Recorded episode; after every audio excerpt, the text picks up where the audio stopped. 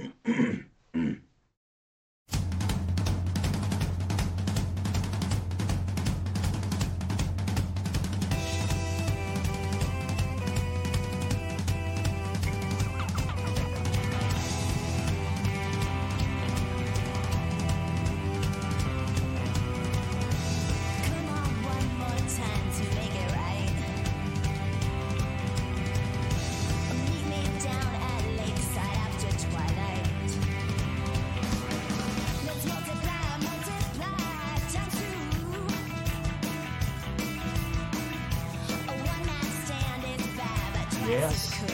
cool. We're live. Welcome to Blowing Smoke with Twisted Rico. I'm your host, Steve Ricardo. I say it every time. We're back here in beautiful Union Square in lovely Somerville, Mass, at the New Alliance Music and Art Complex with Dorchester's own Herb Morsiglio at the helm. And you always go, yeah, I like that. Consistency. Excited as usual to be here, maybe more excited than usual. I don't know why I'm alone today, but I am excited. First episode of 2020, which I have great plans for, which I hope everyone does. Uh, before we start, I would like to, as we always do, thank our patrons for their continued support on our Patreon page, which can be found at www.patreon.com forward slash Twisted Rico. Thank you, Sue K, Lee, Ellie, Andy, Dave, Matt, Maria, Chad, Zach, and Kim. Guys are awesome. Thank you very much for your continued support. I've not been in the habit of listening to every episode from start to finish because then I'll start freaking out about every little mistake I make. But I usually try and listen to the beginnings and the ends to make sure, just in case something is messed up. But I trust Herb because he's good. so I don't worry too much about mistakes, audio mistakes, anyways. You can blame him if there are any. I'm just kidding, Herb. There's, there's not any. But there is one thing I did notice in the last episode that I need to address right now, and I'm going to make up for it right now. Uh, while I was thanking everyone's everyone and their brothers and sisters and their sisters' brothers, uncles, friends, or whatever, I didn't mention Pittsburgh Punkers, the homicides. And I feel really bad about that because they were actually the first guests that I ever had on this podcast. There was a blunder the first time they came in, and we had to re record them. They were great both times. They're awesome people. Uh, the first time they came in, I don't know what went wrong. My mic wasn't on or something, and we had to drag them down to the Azorean Cafe again. They came back. This is when we were recording in Pittsburgh, and they recorded the second time, and it was awesome. Both times were. You really should go back, by the way, and check out that episode with them. We, we talked about our favorite punk bands and we all made lists and we didn't tell each other about our lists and we listed our favorite punk bands and songs of all time. It was really cool. And they also played a benefit show that I put on for Animal Friends, a no kill uh, shelter in Pittsburgh uh, a, a year ago exactly with a bunch of other cool bands like Eviction and Volcano Dogs. Uh, that show was at Howlers and was really fantastic. They're great people. They're a great band. They do an outstanding version of the Nervous Eaters classic song Just Head. And it's really special having a woman, Daisy Valentine, sing the song Just Head. Can only imagine what the song's about. That's why I'm saying it's cool. when I first heard him do it live, I was like, this is awesome. You know, uh, Steve Cataldo, the, the guy that wrote the song, would be very, very happy. Um, anyways, I decided to make up for the blunder last week, and I'm going to use one of their tracks for our new segment, which we started last time around called Buried Treasures. Now, this is not exactly a song that's a buried treasure, but it's more like an exclusive, unreleased track that the band gave me. It's called Section 8. So we're going to zap it on right now for you. So without any further ado, it's time for some punk rock. Let it roll, Herb.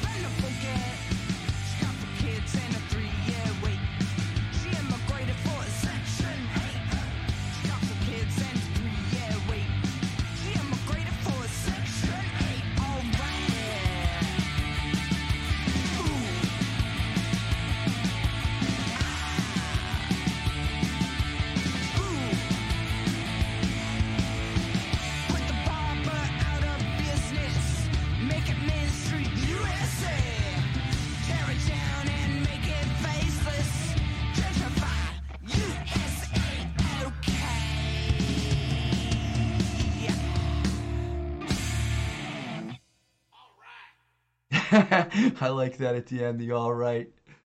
I wonder if that was Nick, the bass player. I don't know. Probably JB.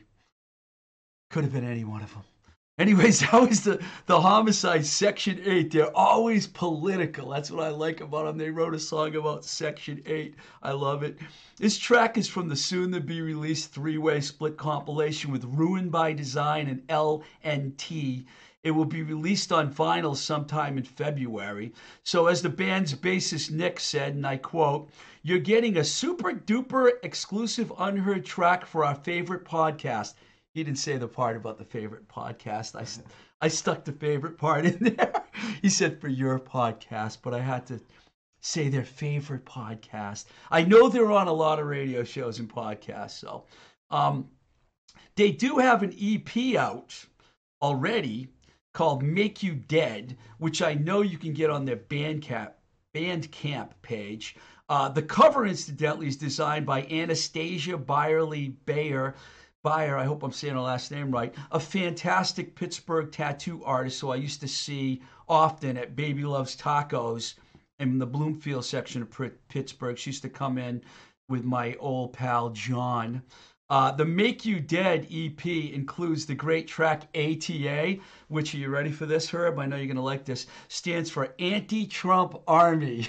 we actually played that when I had him on the show. It caused quite an uproar with all those rural righties in PA. so, which doesn't bother me at all because I'm not one of them. Uh, so, thank you, Daisy, JB, Nick, and Eric of the Homicides. Uh, really cool band.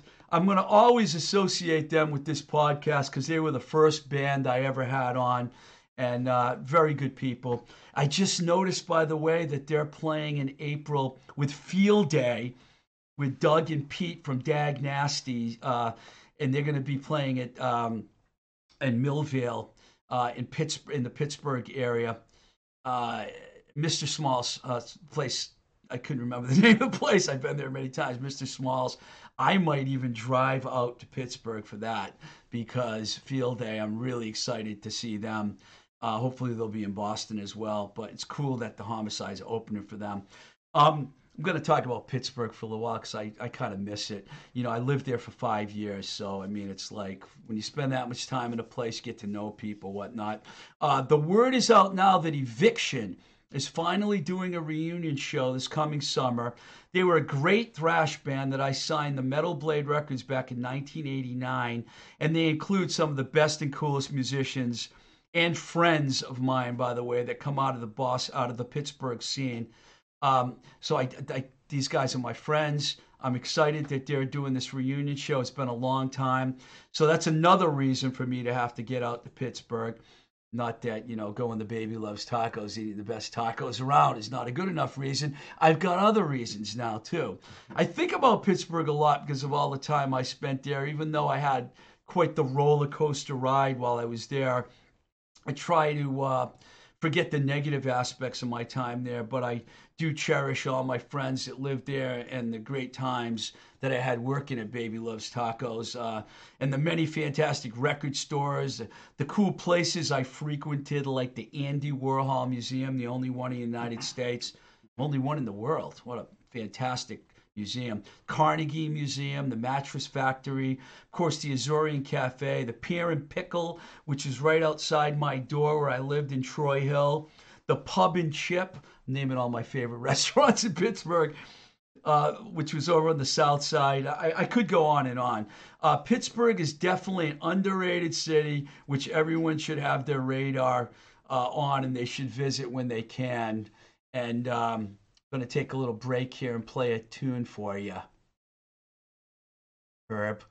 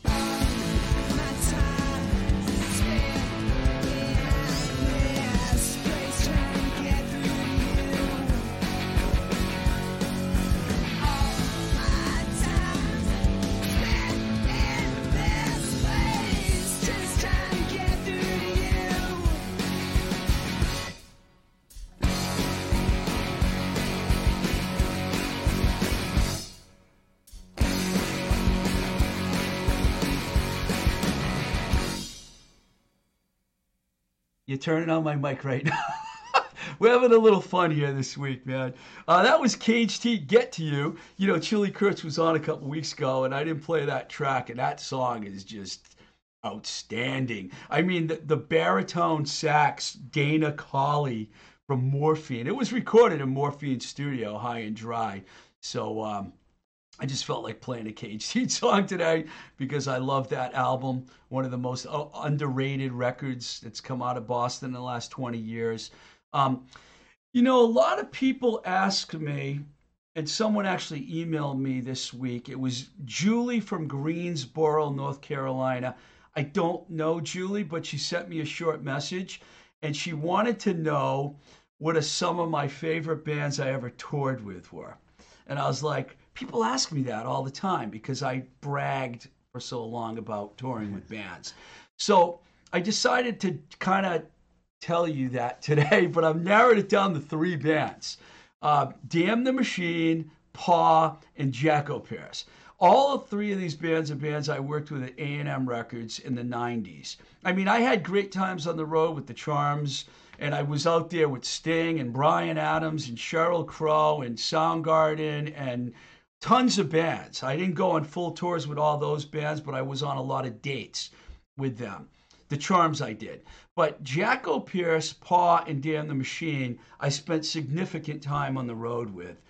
Um, I could talk about the Charms, but I was their manager, not their label guy, and uh, it was a little too dramatic at times for me to talk.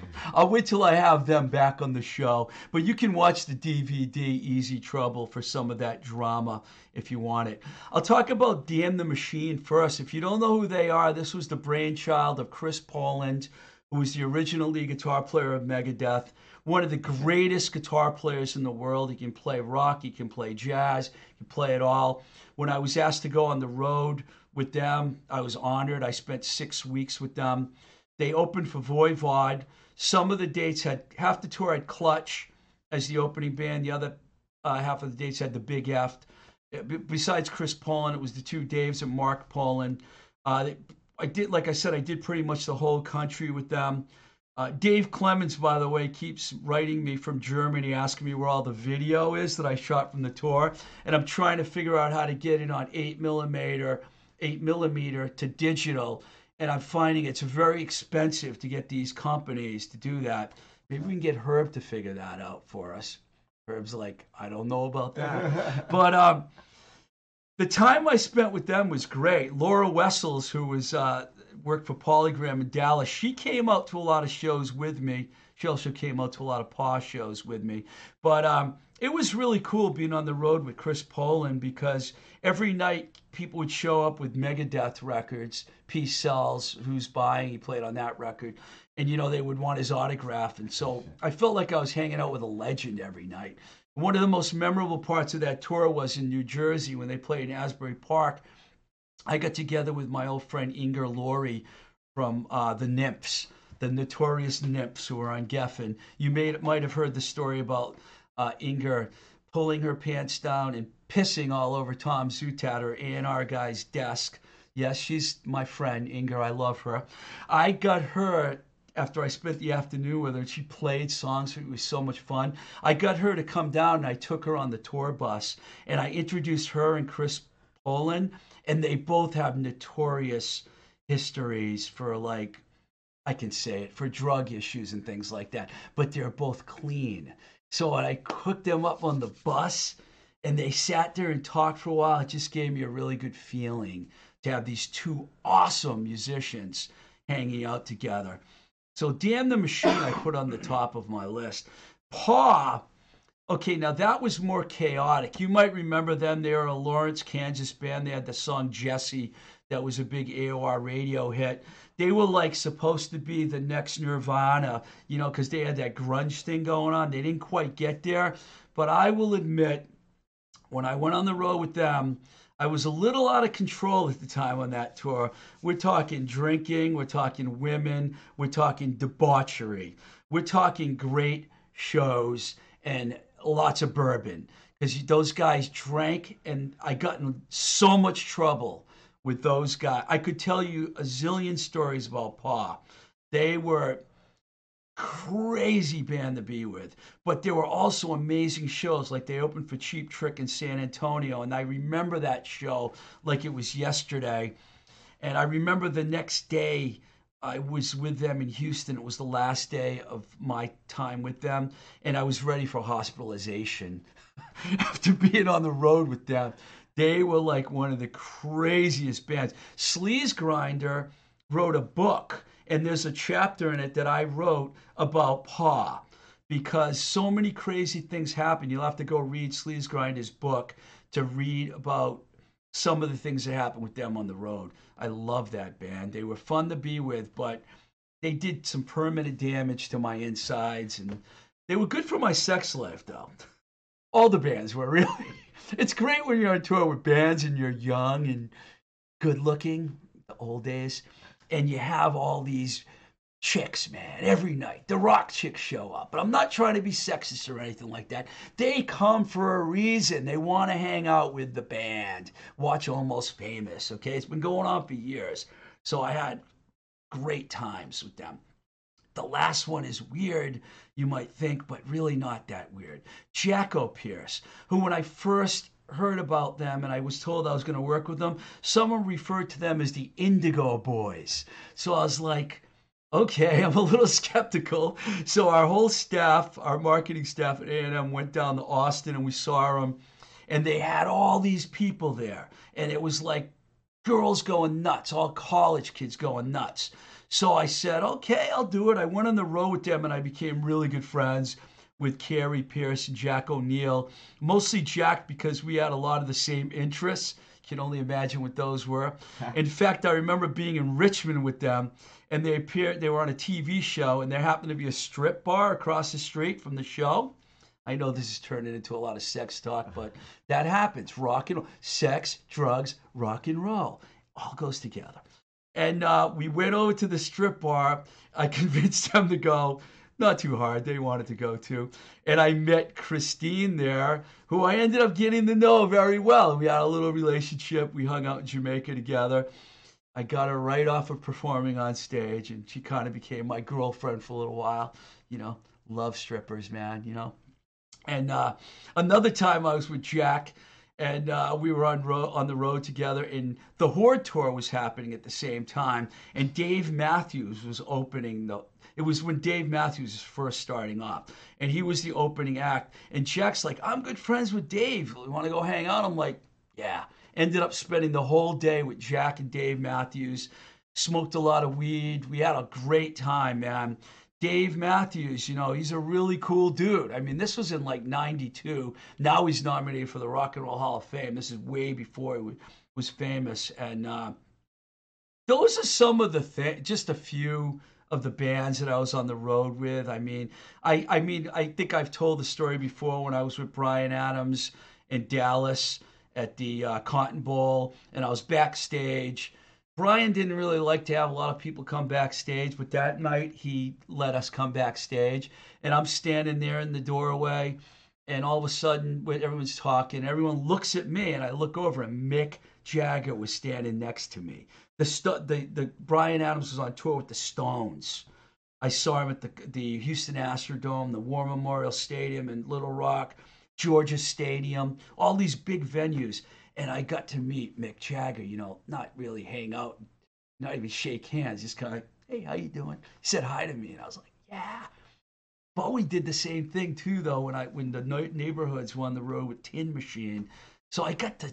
It was if it wasn't for being on the road, man, I would have never met even bigger rock stars than the ones that I got to know working for the labels. Anyways, I'll do more rock and roll road stories as we go along because I really like to talk about these things. But those, Damn the Machine, Pawn, Jacko Pierce, I have great memories of being with those three bands because they were development bands. Those are the, my favorite kind of bands to work with. They weren't the big rock star bands. They were develop. You know, I saw Sheryl Crow open for the Eagles. You know, and I saw her at Woodstock '94. And all the Sheryl Crow shows I went to were mostly when she already was big. I did go to an in store with her once, and there were like 30 people there in Chicago. So it was kind of good to see her develop. But these bands never got. You know, they didn't get to that level, but they were fun to be on the road with. So that's about it. It's time to move on down the road. Uh, I want to thank our sponsor, JLS Design, 187 Main Street, Leicester, Mass. They do custom screen, screen printing and embroidery. Like I always say, it's a great place for bands to get their t-shirts, hats, hoodies, etc. Anyone can go to them to make uh, their merch. And you know, if you mention me, you get 10% off. So mention Blowing Smoke with Twisted Rico, 10% off. It's jlsdesignprinting.com, jlsdesignsales at gmail.com. There's more Blowing Smoke t-shirts coming. So when we get them, we're going to get one for you, Herb.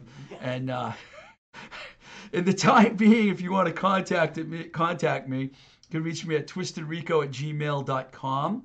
Uh, Instagram, I'm at Twisted Rico. Please send me your comments, questions, etc. As you can see by today, if you ask me a question, I'll talk about it on the podcast. And I'm looking for bands to send me more songs. You know, I'm looking for the buried treasures out there to put on our podcast. And please check out the Patreon page where you can sponsor us for only a dollar a month. We really appreciate that. It helps us pay the bills.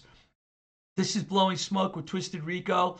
I'm your host, Steve Ricardo. And until next time we say goodbye, keep the rock and roll alive.